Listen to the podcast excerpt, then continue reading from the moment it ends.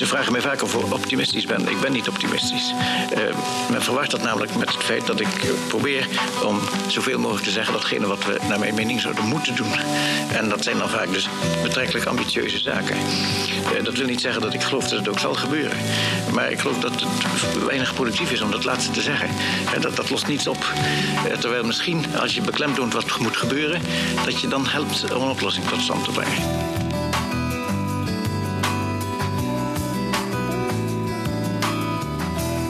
Nou, welkom bij aflevering 8 van de podcast Timbergen en de Economie van Morgen. Mijn naam is uh, Esther van Rijswijk en naast mij zit Jasper Lukees. Hij is hoofdredacteur bij ESB en samen hosten we deze podcast. Heb je er een beetje zin in, Jasper?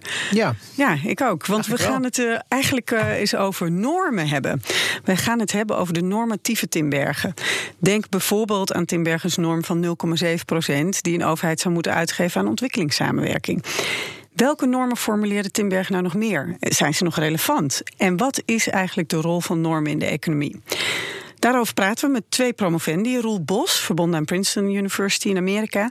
En Jan Middendorp, die niet alleen onderzoeker is, maar daarnaast, of misschien vooral ook, namens de VVD in de Tweede Kamer zit. Welkom beiden. Roel, ik begin even bij jou. Jouw uh, proefschrift richt zich op de speltheoretische analyse van de rol van informatie in politieke besluitvorming.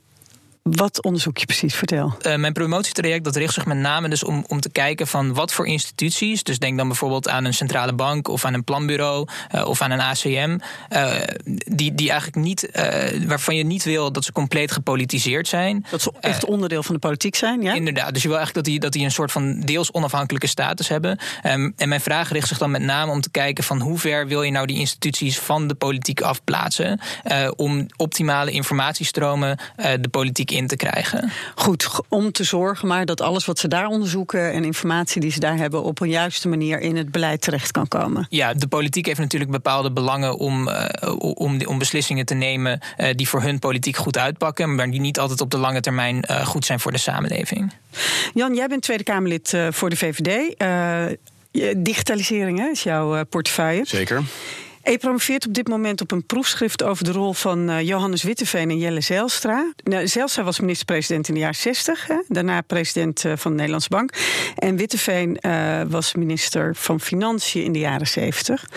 Um, Waar komt jouw fascinatie met deze twee heren vandaan?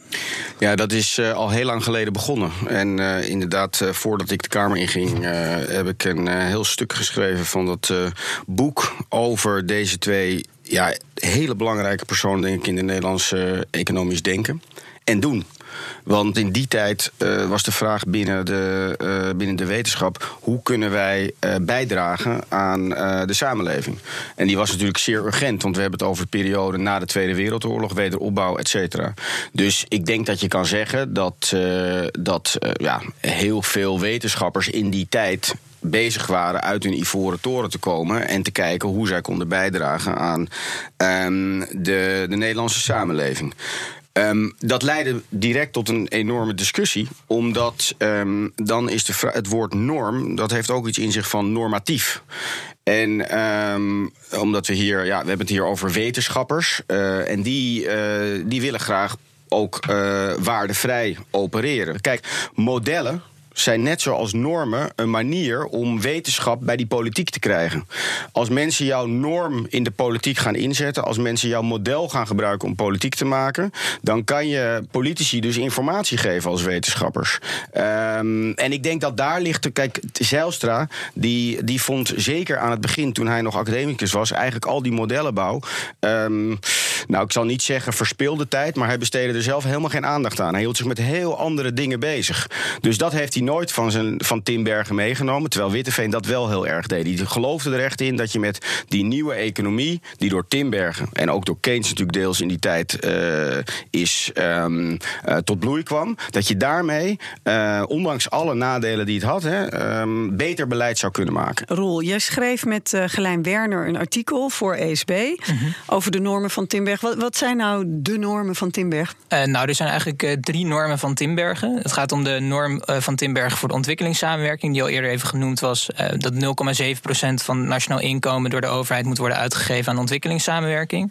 Uh, dan is er de norm voor de inkomensverdeling. Uh, die gaat over de verhouding tussen het hoogste en laagste inkomen binnen een bedrijf. Die zou volgens de norm die wordt toegeschreven aan Timbergen 1 staat tot 5 moeten zijn. en de Timbergen regel, die stelt dat er in het beleid minstens even zoveel instrumenten als doelen moeten zijn. Want de ontwikkelingsnorm, die punt 7, waar, waar, waar is die op gebaseerd? Waar komt die vandaan? Die komt eigenlijk voort uit Timbergens tijd bij de Verenigde Naties. Uh, hij werkte daar tijdelijk uh, bij uh, het departement voor ontwikkelingsplanning.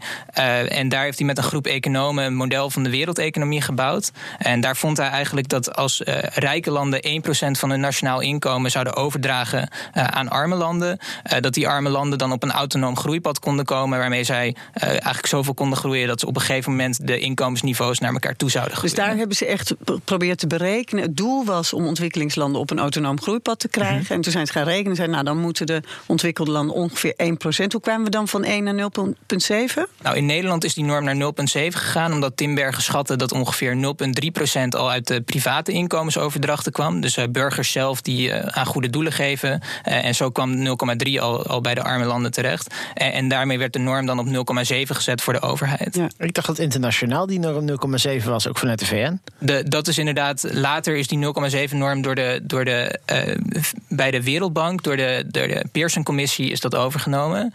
Uh, en is ook uh, in de OESO-normen is dat vastgelegd. en ik weet niet precies hoe dat van 1% naar 0,7 is gegaan, maar bij de OESO is dat voor de ODA, dus de Official Development Aid doelen, is dat op 0,7 vastgelegd. Men ging er gewoon vanuit dat iedereen even vrijgevig was als de Nederlander. Schijnbaar. Dat, dat, ik weet niet precies hoe dat, uh, hoe dat Ja, en die interne logica. Hè, je kan best op een bepaald moment gaan berekenen... wat is er nodig om op een autonome groep... Maar dat is natuurlijk vijf of tien jaar later... laat staan nu allemaal weer totaal anders. Ja, klopt. Dus ook uh, Tim Bergen zelf aan het einde van zijn leven... dus uh, begin jaren negentig... heeft hij zelf nog op, een, op de achterkant van een envelopje... denk ik, berekeningen gemaakt... of dat eigenlijk wel voldoende was. En toen kwam hij zelf uit op een percentage van 3 tot tot 8 procent, wat eigenlijk noodzakelijk is. Inmiddels hebben we wat meer nodig. Inderdaad. Ja. Nou, daar komen we vast nog op terug. Van hoe, ja, als je eenmaal een norm aanneemt, de, de onderliggende logica blijft die overeind. Toch ook wel een hele belangrijke van Timberg was natuurlijk die doelen-instrumentennorm. Kan je die nog even toelichten? Nou, die, die norm voor dat er in het economische beleid minstens even zoveel instrumenten als doelen moeten zijn, komt eigenlijk direct uit uh, zijn econometrische modellen. Dus zijn econometrische modellen waren het over, over het algemeen lineair. En als je een lineair model hebt, dan heb je nou evenveel instrumentvariabelen nodig als doelvariabelen. Als je namelijk niet genoeg instrumentvariabelen hebt, dan heeft het systeem van vergelijkingen geen oplossing.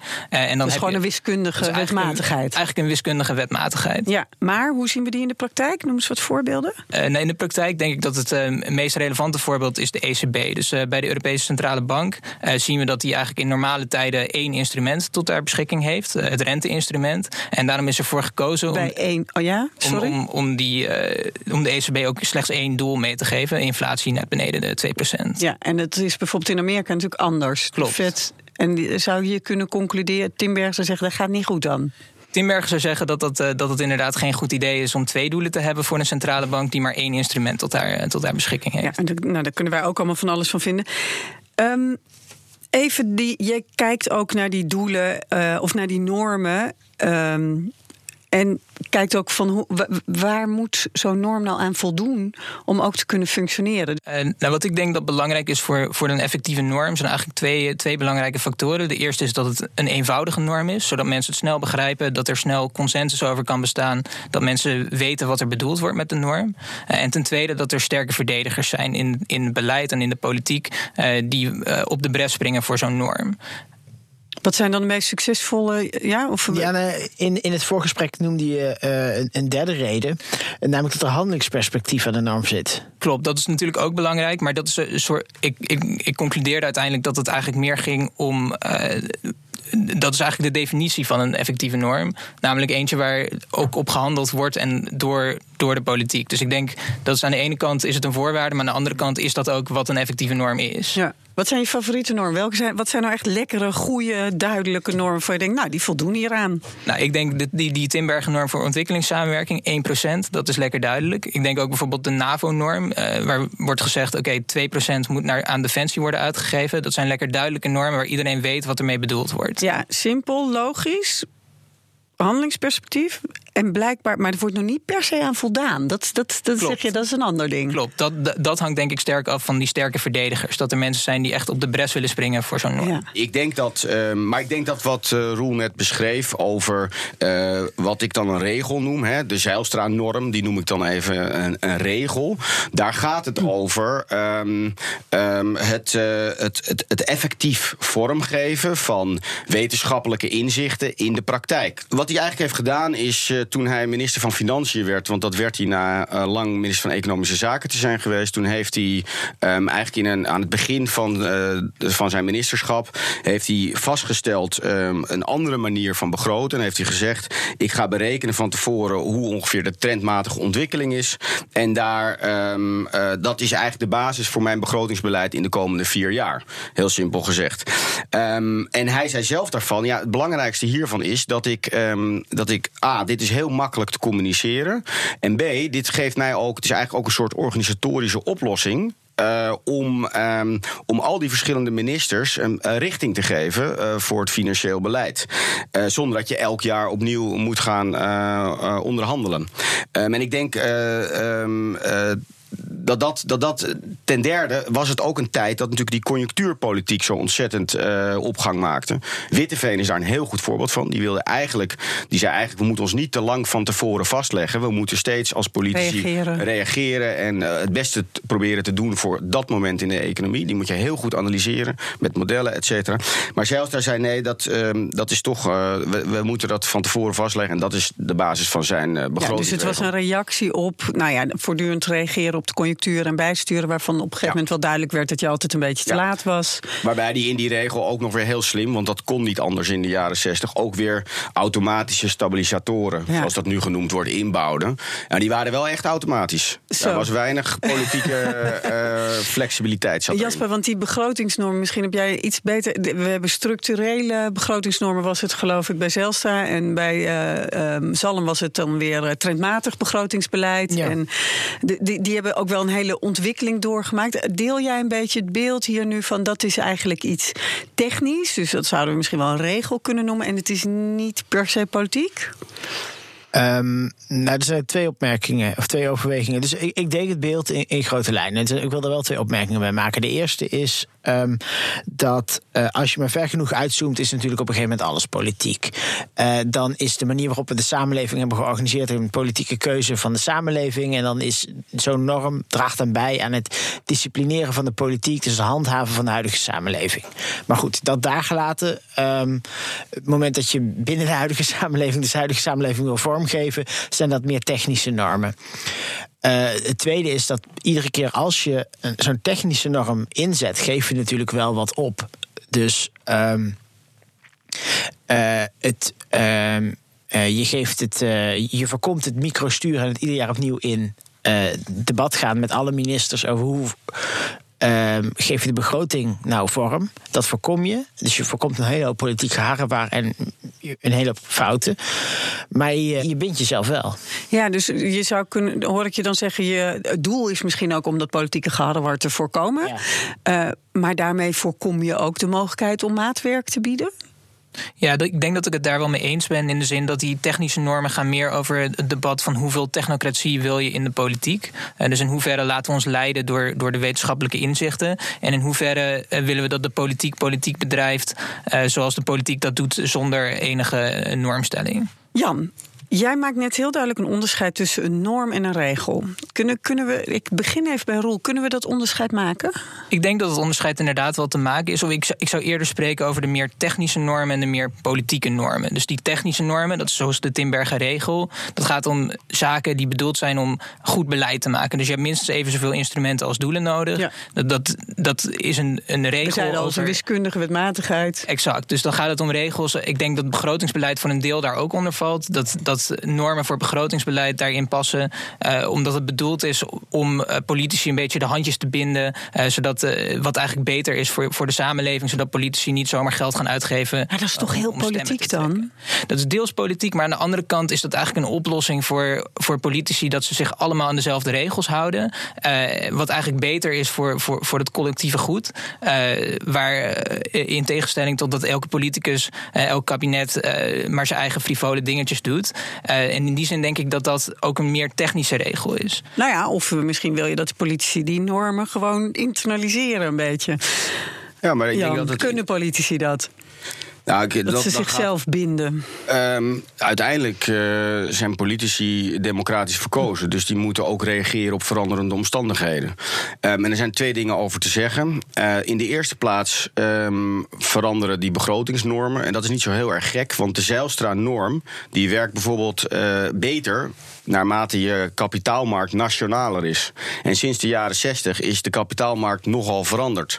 Dus, dus moest er een nieuwe norm komen. Ook de economische inzichten van, uh, van de wetenschap, die je al dan niet omzet in een, in een beleidsregel, uh, die, die, kunnen, die kunnen veranderen. Um, en ik denk uh, ten tweede, ik, ik, denk dat het ook uh, voor, voor een groot gedeelte zijn, um, zijn um, is, is het gewoon een hele goede manier ook om met wetenschappelijke inzichten iets te doen. Anders dan, zoals wat we net zeiden, een politieke norm. Die zijn net zo belangrijk. Alleen daar, als je niet weet wat eronder zit, dan is dat toch uh, voor draagvlak, et cetera, is dat, is dat, uh, is dat lastig. Um, want daar hebben. Kijk, er is een uh, interessant boek verschenen van Alan Blinder. Die heeft over de lamppost-theorie. En die zegt eigenlijk: ja, politici gebruiken wetenschap alleen maar om, om hun te ondersteunen wat ze eigenlijk al vinden. Maar die beschrijft ook heel mooi hoe verschillend dat gesprek is. Wat politici eigenlijk voeren en wat wetenschappers, economen in dit geval eigenlijk voeren. Maar even nog over die, um, ja, die politici die dan toch handelingsruimte opgeven. Jasper. Moet ik heb dus bij een gesprek gezeten, een tijdje terug, tussen Erik Wiebes, minister van Economische Zaken, en Christopher Pissarides, een Nobelprijswinnaar in ja, de economie. Voor die prachtige bundel ja, die jullie die, gemaakt die, hebben. Die Timberg-bundel die we hebben gemaakt. Nou, ik heb KVS-bundel. Ja. ja, ik heb in dat gesprek gezeten. En het gesprek ging over hoe financieren we nieuwe technologie en de klimaatadaptatie en dat soort dingen. En Erik Wiebes heeft in dat gesprek wel zeven keer gezegd, denk ik. Ja, je moet politici niet met geld laten spelen. Uh, want dan geven ze meteen uit. Dus ik wil een groeifonds. Hij denkt nu na over dat, dat groeifonds. Hè. Ik wil dat er een groeifonds komt. En ik wil dat er een commissie van experts komt. Die in ieder geval gaat meebeslissen over hoe dat geld daar wordt uitgegeven. En dat het niet ieder jaar in de begroting een heel geharrewaar wordt. Dus in ieder geval. Um, en hij deed het in ieder geval dat gesprek voorkomen dat dat de, boodschap van het kabinet was. Dus dat zal dan ook wel zo zijn. Maar in ieder geval de huidige uh, uh, politiek doorleeft wel dat je um, een bepaalde beslissing op afstand moet plaatsen. Is dat heel Hollands, Roel? Dat denk ik wel. Het is, uh, in Amerika zie je bijvoorbeeld. Is dat de erfenis van Timberg misschien wel? Dat, dat zou best kunnen. Want Timberg heeft natuurlijk na de Tweede Wereldoorlog ook ontzettend veel invloed gehad in uh, het opzetten van de institutionele structuur in Nederland. Zoals de oprichting van het CPB en natuurlijk ook de kracht van het CBS.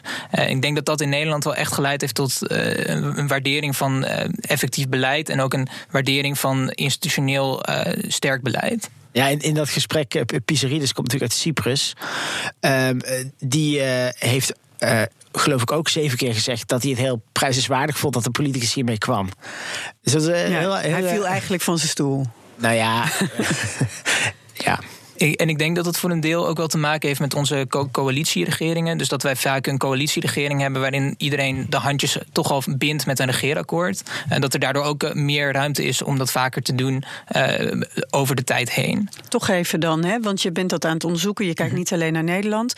Wat kunnen we leren? Want we, we klinken nu een beetje zelfgenoegzaam. We doen het hier allemaal fantastisch en zo. Maar wat, wat kan er dan beter? Nou, ik denk wel als je doorslaat in dat technocratische, uh, dan heb je natuurlijk dat die politieke speelruimte kleiner wordt. En dat er uh, soms kan lijken alsof er allerlei dingen niet kunnen, uh, omdat we de handjes gebonden hebben. En wat gebeurt er als dat zo lijkt? Dat kan natuurlijk leiden tot polarisatie of gevoelens in de samenleving die, die niet gehoord worden. En dat kan natuurlijk wel weer een probleem worden voor de democratische legitimiteit. Ja.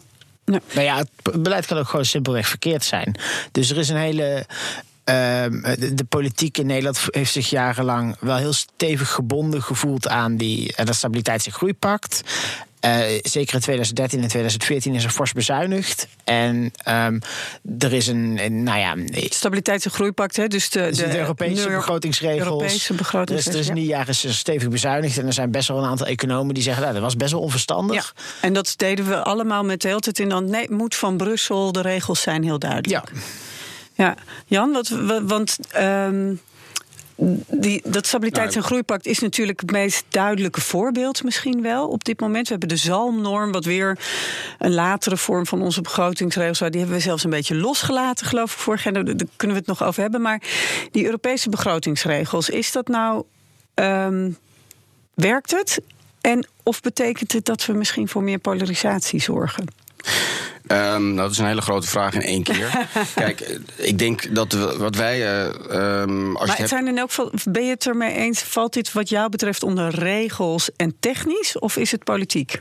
Nou, ik denk dat dat onderscheidt. Kijk, het, als uh, politici moeten besluiten hoe ze met een, uh, een inzicht uit de wetenschap een regel omgaan. Het is de minister van Financiën die zelf beslist wat voor soort begrotingsregels hij en dan met het kabinet afspreekt, zeg maar. Um, maar ik denk dat um, dus die regels die zijn natuurlijk altijd uiteindelijk politiek. Want als je het een, als je je aan een regel houdt en daardoor kan je iets niet doen, dan ben je bezig om keuzes te maken in schaarste. En dat is politiek. Um, dus ik denk dat daar. Um, dus dat het er elke keer om gaat van ja, je kan met zo'n regel kan je, um, kan je uh, beter beleid maken. Daar gaat het dan uiteindelijk om. Dat moet dan beleid zijn die ook bepaalde uitra uitruilen faciliteert, natuurlijk. En ik denk dat daarvan is die, die regels van de stabiliteit en groeipact, die zijn daar ook een, een voorbeeld van. Die heb ik ook vergeleken met, uh, met de Zijlstra-norm. Uh, zoals die in de jaren 60 dan gebruikt werd. En daar kan je best wel een aantal dingen aan zien. Roel zei net ook bijvoorbeeld simpel. Dat zijn ze um, niet meer, toch? Ik nee, inmiddels 248 een, pagina's of zo. Dat is ook een punt wat door de Nederlandse politiek gemaakt wordt. Dat het, dat het al een hele belangrijke stap is om die regels weer simpel te maken. Zodat ze uh, uh, makkelijker interpreteerbaar zijn.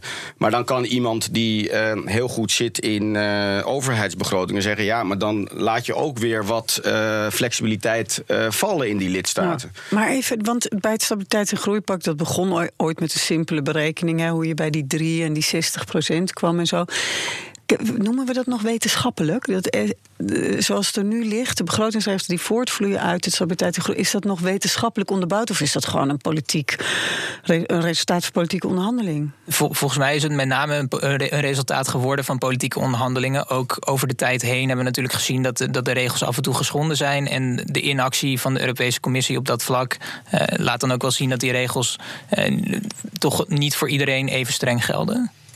Oké, okay, dan zijn regels ineens iets politieks geworden. Nou ja, het, nou ja niet helemaal natuurlijk. Kijk, uh, het feit dat we die 60% schuld en 3% tekort als normen hebben in zo'n stabiliteits- en groeipact, dat is een, uh, een dat politieke deel. norm. Ja. ja. want die, um, uh, dat waren gewoon de gemiddeldes bij de invoering van die regel in 1992, dacht ik, of toen die bedacht zijn in 1992. Um, bij de, de, de conferentie in Maastricht, waarin het bedacht is. Um, maar, en waar toen ook al heel veel kritiek op was. Ja, hè, om te zeggen dat, zo, maar, ook vanuit de economische wetenschap. Er is natuurlijk vanuit de economische wetenschap ook best wel veel steun voor het hebben van een norm of een regel die, het, die voorkomt dat overheidsfinanciën uit Is dat dan niet de het belangrijk? En dan is het heel belangrijk dat je een, wat, wat Roel eerder ook al zegt, dat je een simpele norm hebt, die handelingsperspectief biedt en die uh, ook uh, uh, ja, verdedigers kent. Maar maak dat dan even scherp, want dan begin ik nu toch steeds meer het gevoel te krijgen dat het belangrijkste inzicht uit de economische wetenschap misschien wel is dat zeker als het om begrotingen gaat, het belangrijk is om afspraken en rust te hebben. Want anders wordt er de hele tijd gekleerd en geklooid op de korte termijn. Dat helpt niet. Dat is, maar wat dan die afspraak moet zijn, dat daar misschien niet zo heel veel wetenschap onder ligt? Maar dat is ook heel politiek. Ja, Want nee, dat snap zoals ik. Jasper net zei, die heeft direct effect wat je de komende vier jaar kan doen. En het is ook niet zo heel raar, uh, als je het hebt over democratische legitimiteit, dat met dat inzicht, dat is al een enorm inzicht. Uh, maar daar heb je geen econoom beschrijft. voor nodig om te nou, concluderen dat je uh, rust nou, en regelmaat nodig nou, dat vraagt me af, als je de artikelen van Witteveen leest, student van Timbergen in de jaren 60, die, um, die zag als belangrijkste doel om met de overheidsbegroting het economisch leven van heel Nederland stabieler te maken. Dat is een heel andere insteek dan die jij net beschreef. En er is een heleboel wetenschap in gaan zitten om te komen waar we nu zijn. Om te laten zien dat die stabiliteit zo belangrijk is. Nou ja, eh, aan het begin hadden we het even over de signaalfunctie van regels. Ehm, dat is uh, in, de, dat zeg ik dan uit mijn vorige leven in het bedrijfsleven, bij de bankaire sector, de signaalfunctie van um, hoe het stabiliteits- en groeipact door verschillende landen worden nagenomen. Dat wordt in de financiële markten heel erg bekeken. en daar zijn allerlei, um, dat zijn allerlei inzichten die in de jaren 50 niet zo'n grote rol speelden. En dan zeg ik het heel voorzichtig. En daar, daar was eigenlijk helemaal geen, daar keek men helemaal niet naar. Nee, daar hebben we, toch... met heel andere dingen bezig. Ja. Dus daar zie je wel dat die wetenschap ook voortschrijdt. En waar we dus, dus wat jij net omschreef, uh, dat is toch wel een belangrijk inzicht. En dat daar nog een heel stuk politiek achteraan komt, ja. Daar kan ik natuurlijk als politicus alleen maar van zeggen. Dat is democratische legitimiteit. Oké, maar wat dan precies die normen moeten zijn? Daar, hè, en waar die precies liggen. Je schetste net ook de ontwikkelingssamenwerkingsnorm. Nou, dat zou nu een hele andere. Als je hetzelfde doel hebt hè, van die -hmm. autonome groei. Dat, ja, hoe wetenschappelijk. Dat hangt, dat hangt natuurlijk ook af van de economische en politieke realiteit van het moment. Ja. Dus dat is altijd lastig om dat dan voor langere tijd vast te leggen. En dat is denk ik ook met het uh, Stabiliteits- en Groeipact. Dat zijn regels die bedacht zijn in de jaren 90. We zijn nu bijna 30 jaar verder. Uh, dat, ja, dan, dan is dat misschien niet meer even reëel. Maar dat moet dan wel politiek weer uitonderhandeld worden als die regels ja. veranderd moeten worden. Ja. En dat is niet altijd even makkelijk. En bovendien, de, de, de, de noodzaak van het hebben van regels en afspraken die blijft. Jasper. Ja, ik wil het graag even over een moderne norm. Uh, ja. Een moderne norm in het nu gaan hebben. Namelijk de norm dat bij uh, grotere bedrijven. 30% van de Raad van Commissarissen uit vrouwen ja, welke bestaan. normen hebben we nu allemaal? Vrouwenquotum. Nee, ja, ja, vrouwenquotum, maar er is ook nog de balkenende-norm... Hè, voor uh, mensen in topfuncties in de publieke sector. Dat je niet meer mag verdienen dan de minister-president. Um, beide normen, zowel de balken en de norm, dat, ja, dat salaris, salaris van de minister-president is gewoon een heel herkenbare norm, communiceert lekker makkelijk. Maar er is niet een hele goede economische interpretatie te geven waarom het dat salaris zou moeten zijn. Er is wel een goede economische redenering te geven dat er zo'n normstelling zou moeten zijn. Um, omdat um, mensen topposities in de publieke sector grote onderhandelingsruimte hebben, relatief gezien. Dus dat die salarissen makkelijk de pan uit kunnen reizen als je daar niet iets aan normstelling doet. Ja, ik denk dat als ik één ding mag zeggen over die wetnormering topinkomens, eh, zoals ik dan maar even de balken en de norm uh, noem.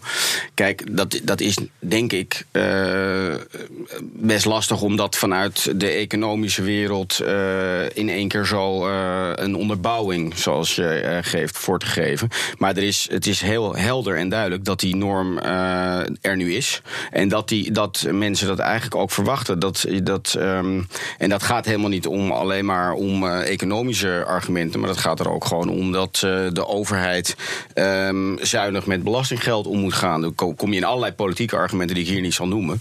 Uh, maar ook daar, en dat is wel een leuke overeenkomst, zie je dus dat je volgens mij met zo'n wetnormering topinkomens eigenlijk doet wat hoe de Nederlander kijkt van hoe moet die overheid nou werken. Hè? Geen geld over de balk snijden. Het is ook eervol om bij die overheid te werken. Um, nou, dus daar, dat, dat, dat moet, die salarissen moeten gewoon um, um, niet de pan uitreizen. Uh, maar daar laat je ook wat liggen. Want je kan bepaalde ICT-specialisten niet meer uh, aannemen. Daar moet je dus dan heel scherp op zijn. Die huur je in. Ja, maar ik denk dat om dat allemaal in een economisch model te willen persen... dat is denk ik uh, ingewikkeld. Want er zijn ook een heleboel sociologische argumenten om een, uh, een uh, wetnormering topinkomens te Ja, maar dan kom, ik, dan kom je toch weer terug op dat je economen en economische wetenschap goed kan gebruiken om te laten zien wat belangrijk is en wat werkt. Maar het stellen van de norm blijft dan iets politieks. Ja, en dus op het verschil tussen positieve analyse en normatieve analyse, als ik die woorden nog een keer mag gebruiken. Um, Ligt ze en, dan ook nog een keertje En het toe? is ook, uh, nou ja, als je zegt economie, de economische wetenschap is eigenlijk ook een soort gereedschapskist. Waarbij we hebben net een aantal inzichten besproken. Uh, jij noemde net de stabiliteit van uh, het, het begrotingsproces. nou, dat, dat is een inzicht wat je, wat je kan gebruiken. En waarin wat dan.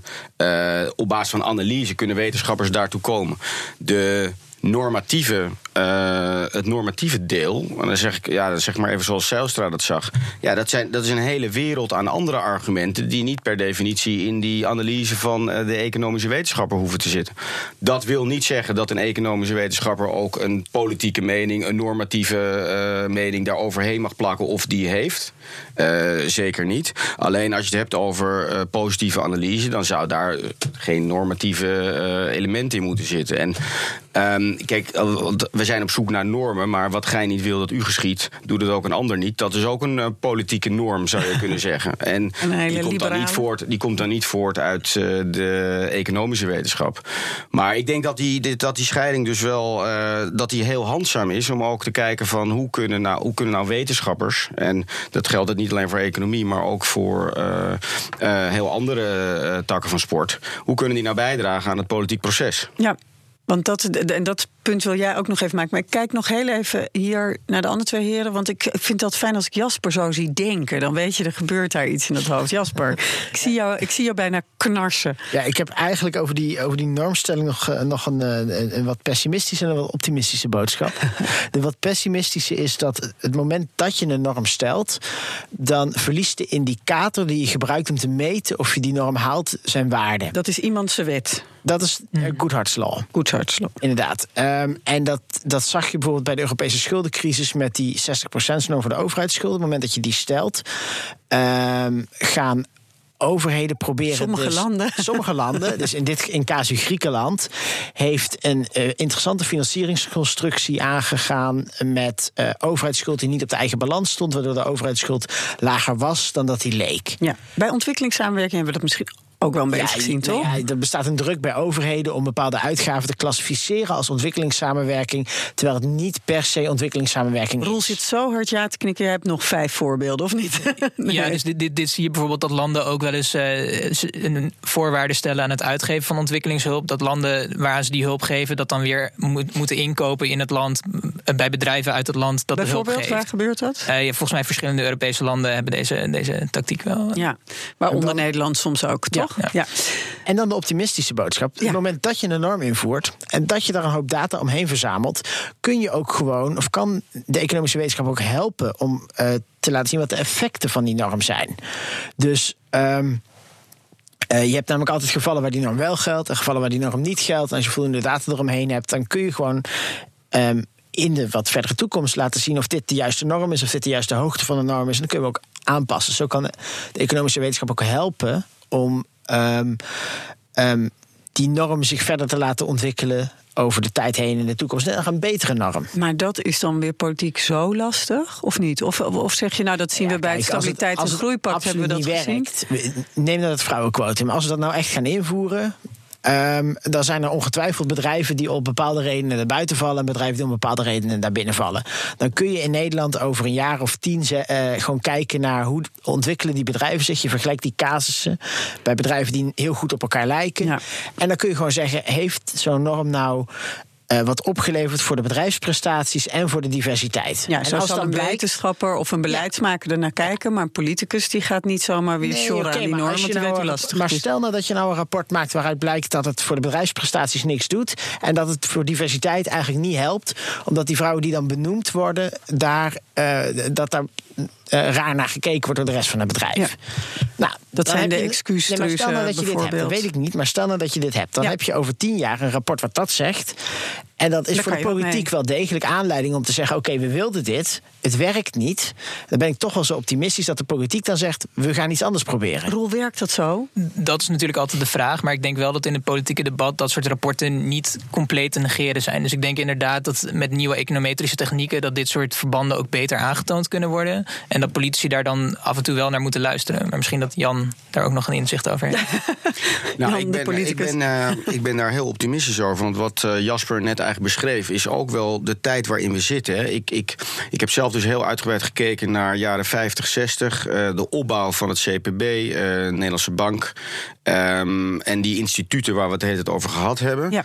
Um, en ik denk dat we nu ook in een tijd zitten dat er eigenlijk wel wat, als je het hebt over digitalisering, echt iets aan het veranderen is. Kijk, het gaat niet alleen maar over een rapport of dat wel of niet genegeerd wordt. Maar ik denk dat die hele, um, dat die institutionele architectuur die we hebben opgebouwd in Nederland, die beleidsarchitectuur, die voorbereiding, die, gaat daar, eh, die moet daar voordeel van hebben. Want je kan veel beter de wereld om je heen als wetenschapper uh, nou ja, modelleren, om maar eens in termen van uh, Tinbergen te spreken. Ja, maar dat klinkt dan ook weer van, nou, dan krijgen we steeds nieuwe informatie, willen we steeds aanpassen. Dan zijn regels en normen niet zo handig als die dan in de weg zitten.